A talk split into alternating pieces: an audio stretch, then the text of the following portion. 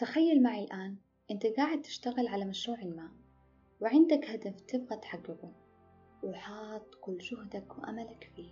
وفي طريقك كنت تحقق هدفك بدأت تظهر لك عقبات كبيرة صغيرة ومنها احترق منتجك بأي شكل من الأشكال واستمريت وحدثت أزمة قوية مثل كورونا وتوقف شغلك لفترة. وما زلت أنت بتحاول وقاعد تبذل أكبر مجهود عشان توصل لهدفك. ولكن مهما تحاول أنت قاعد تبعد عن هدفك. بعدها صرت مديون منتجاتك ما حد اشتراها ومع الأسف أنت فشلت. حلقتنا اليوم بتكون ممتعة لأننا بنفكر في شعور مر علينا كلنا. معك وجدان محمد من برنامج مشاعر وعنوان حلقتنا مشاعر الإحباط ويلا نبدأ. القصة اللي ذكرتها سابقا بتعبر عن حالة نمر فيها كلنا وأنا أركز في برنامجي على إني أأكد لك إني والناس كلنا قاعدين نمر باللي تمر فيه. يعني مو شيء جديد. هذا السيناريو بيعبر عن شعور الإحباط الذي ينتج بسبب تكرار حالات الفشل. فالعبد الضعيف لما يفشل مرة مرتين ثلاث مرات أربع مرات بعدها يقول أنا فاشل.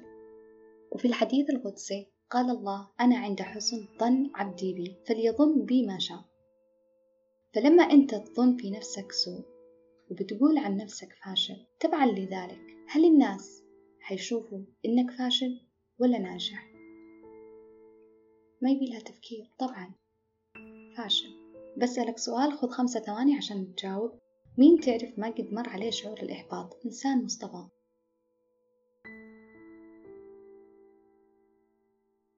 ولا أحد. كلنا مرينا بها. وإذا تعرف أحد ما قد مر بمشاعر الإحباط اكتب لي تعليق. أنا متأكدة وأجزم بأن جميع فئات الناس من الطفولة إلى الشيخوخة مرت بها. حتى الأطفال؟ حتى الأطفال بيمروا بحالة إحباط مثل ما نمر فيها لأنهم ما يعرفوا يعبروا عن مشاعرهم أو يخبوها فنعتقد أنهم سعداء عشان تعرف أو تعرفين إنك قاعد تمر بحالة إحباط بسألك أسئلة هل أنت طول الوقت متوتر؟ هل أنت خايف؟ هل تفضل إنك تجلس لحالك؟ وأقوى نقطة وأقوى عرض إنك تتمنى الموت على أساس إنك إذا مت المشكلة حتنحل وحتعيش في الحياة الثانية بسلام مع إني أؤمن إنه كل المحبطين اللي قاعدين يمرون بحالة إحباط يعرفوا إنه هم قاعدين يمروا بحالة إحباط هم عارفين. يعني حتى ممكن قد بحثوا في جوجل عن أعراض الإحباط ومع ذلك ما خرجوا. أحب أبشرك مهما كانت الظروف اللي تمر فيها واللي تشوف إنك مستحيل تعيش فيها. عقلك مصمم على إنه يخليك عايش حتى ربي ياخذ أمانته منك لأن روحك ليست لك هي روح الله. ربي حطها بين إيديك أمانة حتحاسب عليها. من أبرز فئات المجتمع وأكثرها إحباطا المدمن. فالمدمن لأنه ممتلئ مشاعر إحباط ولا عارف وين يروح أو مين يستشير. أو ينتظر أحد ينقذه من الوضع اللي هو فيه. هو عايش هو عايش رغم الإحباط اللي يحس فيه. وده بيرجعنا للنقطة السابقة إن عقلك مبرمج على إنك تحيا مهما كانت الظروف سعيدة أو حزينة وبأي طرق. هذا لا يعني إنك تصير مدمن عشانك محبط بل يعني إنك تقوم على نفسك وتدور على حل. لأنك إذا تحب نفسك وتحترم الروح اللي أعطاك إياها ربنا حتعيش ثمانين عام بسعادة وشغف وحب وسكون. فالإحباط مشكلة اجتماعية فالكل مر فيها وعانى منها ودرجة الإحباط تختلف من شخص إلى آخر. فأنا الإحباط اللي مريت فيه قد يكون عندك ولا حاجة. يمكن تقول إيش الهبل هذا؟ إيش السخف ذا؟ إيش التفاهة ذي عشان بس دي الشغلة أنت أحبطتي. ويمكن أنت الإحباط اللي أنت مريت فيه يكون عندي ولا حاجة. والمحبطين حولنا كثير. كثير في ناس يقولوا لك ما تقدر. كثير في ناس يقولون أنت فاشل. أو معقولة أنت حتوصل للشغلة الفلانية؟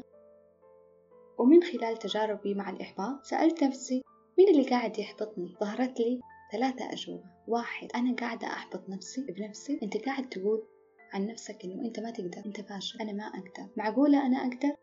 اثنين المجتمع الأهل الأقارب الأعداء.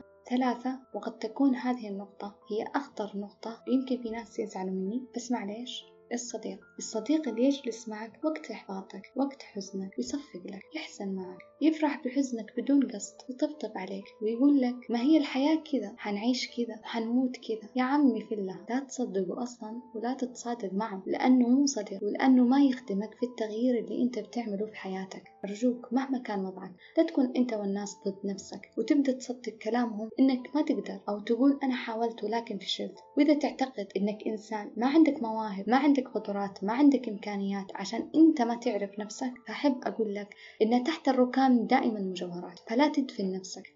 أيا كان معنى الجحيم. اللي أنت تعيشه بسبب الإحباط ممكن يكون عندك الجحيم. شخص تركك وراح. ممكن يكون عندك الجحيم. ما حصلت وظيفة. ممكن يكون عندك الجحيم ما عندك فلوس ممكن يكون الجحيم صديقتك خانتك أو صديقك باعك. فالجحيم يختلف من شخص إلى آخر. إيش نوع جحيمك؟ اللي ما يخدمك. إيش نوع الجحيم اللي أنت خلاص قاعد تقول يكفي؟ أنا ما راح أعيش بذي الطريقة بهذا الجحيم. انفض الغبار من حولك وابدأ في صنع الواقع الذي تريده. ابدأ الآن في كتابة خطوات حقيقية للوصول إلى ما تريد. ابدأ الآن بالتعلم من أخطائك وابتعد عن الناس اللي تحبطك أو تضحك على أحلامك. ابدأ تعرف على نفسك وحبها وقدرها لأن أنت ونفسك حتصنع من المستحيل ممكن. وبقول لك وبقول لك شيء ثاني مهم. حتى لو ما كنت واثق بالخطوة اللي راح تقدم امشي وراها. لأني أنا أؤمن إنك لما تصير في المتاهة حتلقى الجواب. بعكس لو بقيت زي ما أنت وجلست بمحلك تنتظر أحد يخرجك من السجن اللي أنت فيه. أنت حتموت فيه.